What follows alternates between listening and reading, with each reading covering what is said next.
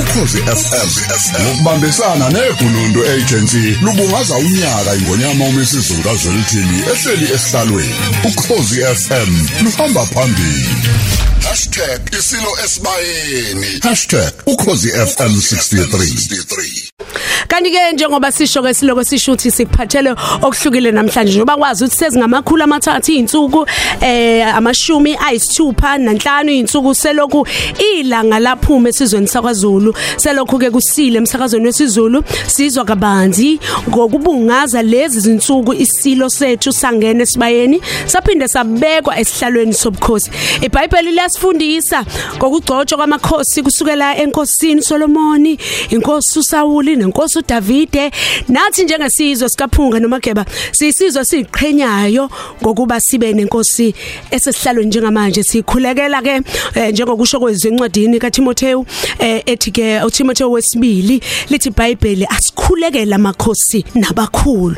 Eh ke namhlanje ehlelweni sobheka usuku lokugcotshwa kwenkosi nezimbatho zayo nokuthi kusho ukuthini. Sinaye ke e- emoyeni ke ngalesi sikhathi sokhuluma ke nomntwana umthokozisi asichazele ngale zambatho zesilo nencazelo yazo. Eh socela ukuthi abantu abasha bona basithumele imibono yabo ngokuthi bazini eh futhi bafundisweni ngobukhosi amakhosi noma ke inkosi. Asibingelele mntwana umthokozisi. Siyabonga ukuba nawe namhlanje okhosini Ngiyathokoza msakazi. Ngibingelele uh, umsakazi nabalaleli. Bokhoze FM. ake singene kuyo nje mntwana eh u- wena wasebukhosini i- i- i- udaba lwezambatho zenkosi. Izambatho zenkosi uma igcotshwa njengentsha siyafika siyafisa ukwazi ukuthi izambatho ezinjani zisuke ziqalwe kanjani eh kuze kuthiwe hayi lezo ezobukhosi lezo ezikhethekile ezokugcotshwa. Angithokoza msakazi. Ngikhuleke emakhosini ohlanga. Amakhosi aphethe inhlabathi engonyama.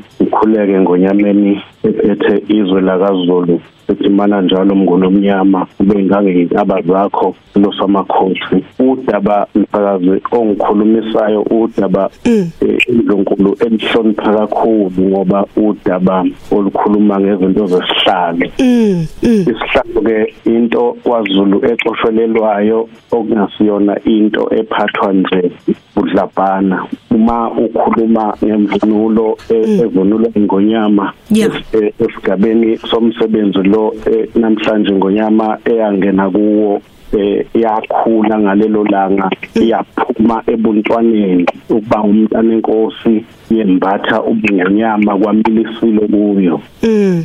Imvunulo ke abaningi babeyibuza ukuthi hlobo luni lwemvunulo lolu olwembathwe ingonyama namhlanje? Nenhloso yayo yini namhlanje ivunule kanje? Ah isizwe eh, sonke sikaphunga nomageba asazi ukuthi imvunulo leyengonyama imvunulo ekhethekile amashoba kakhulu einkomo eh ezimnyama okusho ukuthi ke ngoba usuke wazi ukuthi ma usuke ku eh, ingonyama i- isiyebuzile ngoba kwaZulu sithi ingonyama kayi kayidluli iyebuza. Yeah. Bese kuthi ke lena esuke sizongena esihlalweni bese eh, imila kulena esuke ebuzile. Oh, yeah. manje ama amashoba lana amnyama asuke echaza ukuthi ke isiyebuza le esiyendile emakhosini iyamila lena ekufanele ingene esihlalweni. Lawo ke mashoba noma leyo mvunulo isuke imele leso sigaba. Noma ukubuka lapha eh, eh, eh, enhloko yayo noma idlokolo leli esuke lithwele ekhanda. Uma ungakulinothisi idlokolo lengonyama lalingagcwele ngoba umkhosi lo wokungena esibayeni uyafana noma ucishe ungawulumbanisa nomkhosi woselwa. Oh lapha ke Africa baye bawubize ngokuthi umkhosi wencwala ngoba izizwe zonke lezi zaseAfrika uma uyibuka izizwe zabengone zisaligcina leli siko lencwala incwala ke iwona mkhosi okweshwama lapho inkosi khona isuke izalwa khona esuke khona ikhula. Umsebenzi wesizwe ukuthi ke uma ingonyama esuke ihleze esihlalweni yesekwe ngoba isuke isengene esigabeni esithe thuthu isuka ebuntwaneni benkosi lapho izelwe khona njengomntana enkosi. Isizokwembathwa ngamathonga enhlabathi isizokwembathwa inhlabathi yayo. Isizombathwa amakhosi os- oselwa onke asuke ke ngalo ngaleli langa lokuthiwa makuthiwa inkosi ngene esibayeni kusuke kwenziwa lowo msebenzi. Indlunkulu isuke ibhekene nomsebenzi ongelula ngoba lo msebenzi udinga ukucoshelelwa kunabanikazi baye abawuphathayo nabantu abadala abawuphathayo abasuke bawucophelele ezingeni eliphezulu. Sithi kasithokoze nje kakhulu ngoba siyindlunkulu sawubuka lo msebenzi kuze kufike leso sikhathi eh umnguni omnyama uyakhula ngoba ngalelo langa waphela nya ukuba ngumntana enkosi waba ngangeyintaba zakhe. Kunjalo msalazi siyathokoza eh indaba ezitha. Mhlawumbe masiqhubeka nje ngiyabona ukuthi into eziningi usuvele wayithinta wayihlanganisa ndawonye eh bengithi ngisazovela ngibuza ukuthi lezambatho zinayo inincazelo noma ke zisho ukuthini? Eh ngiyabona ukuthi ke uzichaze impela wageqa amagula ngaso ke isembatho senkosi. Mhlambe mesingaqhubeka eh mntwana uma inkosi igcotshwa isuke ingeyodwa abaseduze bona ke bambatha kanjani? Esikweni elidlulile lesintu sakazi empeleni uma inkosi igcotshwa noma inkosi ifike esigabeni lapho khona ishaya khona uselwa. Lokhu esikubiza ukuthiwa umkhosi okweshwama yikho ngikulumbanisa ngoba yonke imisebenzi yakhona noma yonke icishe ilumbane leyo msebenzi kodwa lapho kuhlukile isuke ibikwa emathongeni enhlabathi. Isuke ihlanganiswa nenhlabathi nezilwane zonke nemithi yonke yikho nje kuthiwa ngonyama uyihlahla zonke zemithi esuke ikhona ilingana nezintaba zayo ilingana nezilwane zonke esuke ikhona ngoba ungumnikazi wenhlabathi ngoba uNkulunkulu ngokwenkolo yokukholwa uNkulunkulu nasekuveleni kuqala komuntu. uNkulunkulu usuke ethemba inkosi ukuthi yona esuke egade isizwe sayo. So ke lo msebenzi ke ikho ngithi indlunkulu isukucophelele kakhulu ngoba isuke ingena kuleso sigaba. Akusona ke isigaba esilula kwakuyo esesihlalweni inkosi uma ibhekana naleso simo ngoba khumbula ukuthi kusuke kwebuza umntana enkosi uzovela ngonyama. Lo leyo mpi esuke ikhona noma lowo mthwalo osuke uhlezi phezu kwamahlombayo nendlunkulu udinga ke abathile abazokwazi ukuhlanganisa bawulumbanise umsamo wesihlalo uqondane kahle ukuze inkosi ikwazi ukuhlala inethezeke kahle embusweni. Ngoba isimo sayo ingonyama ngoba ekugcineni noma ekuqaleni ngeke ukubalekela ukuthi iyazalwa njengawo wonke umuntu inkosi. Indaba ezithi manje ke uma usuyihlanganisa nobuNkulunkulu nezehlo eziyehlelayo eyihlukahlukene kazingangamfana kazingangamuntu ngoba isuke isime esigabeni samakhosi ohlanga. So ke kuwumsebenzi impela obucayi odinga isizotha nenjula ngoba kuba nabathile ngoba ma ubuka lapha esibayeni isibaya nje sisodwa abayeke abanye beke bangakwazi ukuhlokanisa ukuthi eh lapha sisuke siyibike emakhosini ohlanga ukuthi awayemukele ayembathe ikwazi ukuhlala ngoba isibaya kwaZulu sithathwa njengenkantolo lapho khona zonke izinto ezinhle nezimbi ibikwa ma ungakunothise lapha phakathi esibayeni kukhona ukuyisibayo okuncane okuthiwa inhlambelo. Lapho ke inkosi ifuna ikwazi ukungena khona. Iyona yodwa engena khona lapho nabathile kwenziwe imfiso zesihlalo. Lapho khona ke inkosi isuke isingena esigabeni sayo. Abafowabo oyise nonina basuke bengasasondeli.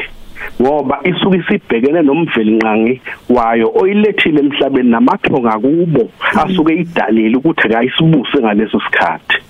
Manje umsebenzi kobucayi engifisa ukuthi isizwe namakhosi ohlanga ayeseke ngonyama yayo azi ukuthi umsebenzi obekwe emahlombayo awusiwona umsebenzi olula ngoba umdlokombane mawungake silandele kahle masithathiswa kwabadala kuthiwa kwaphela iminyaka eyisikhombisa isaqina eh ikwazi ukuthi ikwazi ukuqina ime ngoba kuzofika isikhathi lapho khona kufuna ishaye khona uselwa njengenkosi yohlanga.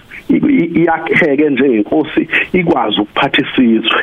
Yikho ke kuthiwa umnguni omnyama uyakhula uyakhula umahlavana eh uyakhula umshosho omnyama ngoba ingonyama usuku nosuku unyaka nonyaka ufuna ikhule ikwazi ukulingana nezintaba ikwazi ukulingana nenhlabathi ikwazi ukulingana nesizwe sayo. Tabezi wesizwe ke namakhosi ukuthi ame ayeseke ngonyama ame ayimise ngoba isuke ingaseyodwa. Kunjalo umsakazi Siyathokoza eh, mntwana ukuthi ube nathi usichazele kabanzi njengendaba yezambatho zenkosi nokubekwa kwayo eh, eh, eh, esihlalweni sobukhosi. Siyabonga kakhulu eh, sibamba ngezandla zombili. Mhlambe nje awokuphetha amazwi akho eh, sikuwo ke lomgubho esiloko sikhumbula ukuthi ayibo sesiqeda isikhathi esingaka siyibekile inkosi yethu amazwi akho nje okugcina sesivala. Angithokoze umsakazi ukuthola leli thuba ngoba umsebenzi we- wesihlalo njengoba ni- ni- ni- niyibeka msakazo umsebenzi ongelula eh, isizwe namakhosi nendlunkulu kuwumsebenzi wabo ukuyiphatha inkosi nokuyeseka inkosi. Lokho ke kwenza ukuthi umsebenzi wengonyama ube lula eh, ikwazi ukufika esigabeni lapho khona isizwe sonke seneme amakhosi ohlanga eneme izizwe zonke nomhlaba usihlonipha ngoba isizwe sakwaZulu saziwa ngomlando omkhulu ohlonishwa kangaka nje. eh, eh, ijoka noma umthwalo othelwe indlunkulu namakhosi enhlabathi aphethe agade umhlabathi wakwaZulu ukuma nengonyama. Ngoba zonke izimpi inkosi esuke izilwa isuke ingazilweli yona isuke ilwela abanikazi bayo ivikela abanikazi bayo. Kungumsebenzi ke wesizwe namakhosi ukweseke ngonyama. Umsebenzi wendlunkulu ukweseke ngonyama ukuyimisa ukuze ikwazi Tabeze. ukuphatha isizwe sikayise. Ngiyathokoza msana. Siyathokoza eh, mntwana umthokozisi eh, besikhuluma naye esicacisela kabanzi eh, ngezembatho eziba ezimbathiswa ke inkosi uma kuyibekwa esihlalweni sayo sobukhosi. Eh, siloko sithi ke nawe mntomusha makukhona eh, o- o- o- ukucaciseleka noma osukuzwile nje la okufundile noma obukwazi ulwazi onalo ungasithumelela ku 0716136667 noma uthi ke 086 eh 002437 asikhumbuze ukuthi asi akuthina eh sodwa kuphela esenza eh lo mgubho lo eh ukhozi FM lu kulukuhlelela uhlelo olukhethekile oluchaza kabanzi ngezinsuku ezingu 365 ingonyama umisizulu kazolithini angene esibayeni. Uhlelo ubusuku obuhle ngomsombuluko omhla ka21 kuncwaba ngehora lesishaka lombili isilo eh, #isilo esibayeni. #ukhozi FM 63 ungaphuthelwa ke u- u- uhlangabezane naye ke usiya uzobe ekuphathele lona lolu daba. Asiye kubona abantu abasha kulesi sikhathi manje siza ukuthi ke bathini bona kuma voice notes uNkulunkulu nomuntu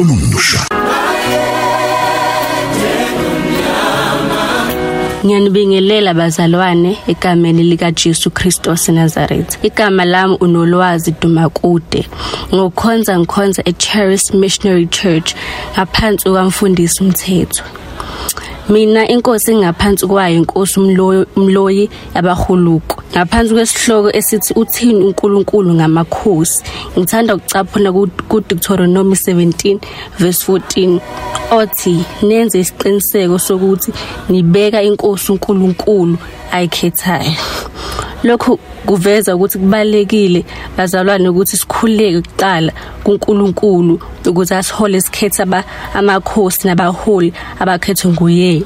Ngiyabingelela abalaleli bomsakazo wokhozi FM uphiwa amandla mkhizi umntwana uNkulunkulu osinisiwe. Mina njengomuntu omusha ngiyakholelwa ekugcotshweni kwenkosi igcotshela isizwe lesezosiphatha kunendaba etholakala eBhayibhelini kumakhosi okuqala uhlap- uchapter 1 kuverse 39 lapho kukhulunywa ngokugcotshwa kuka kwenkosi uSolomon oyezogcotshela isizwe saka-Israyeli ayizosiphatha.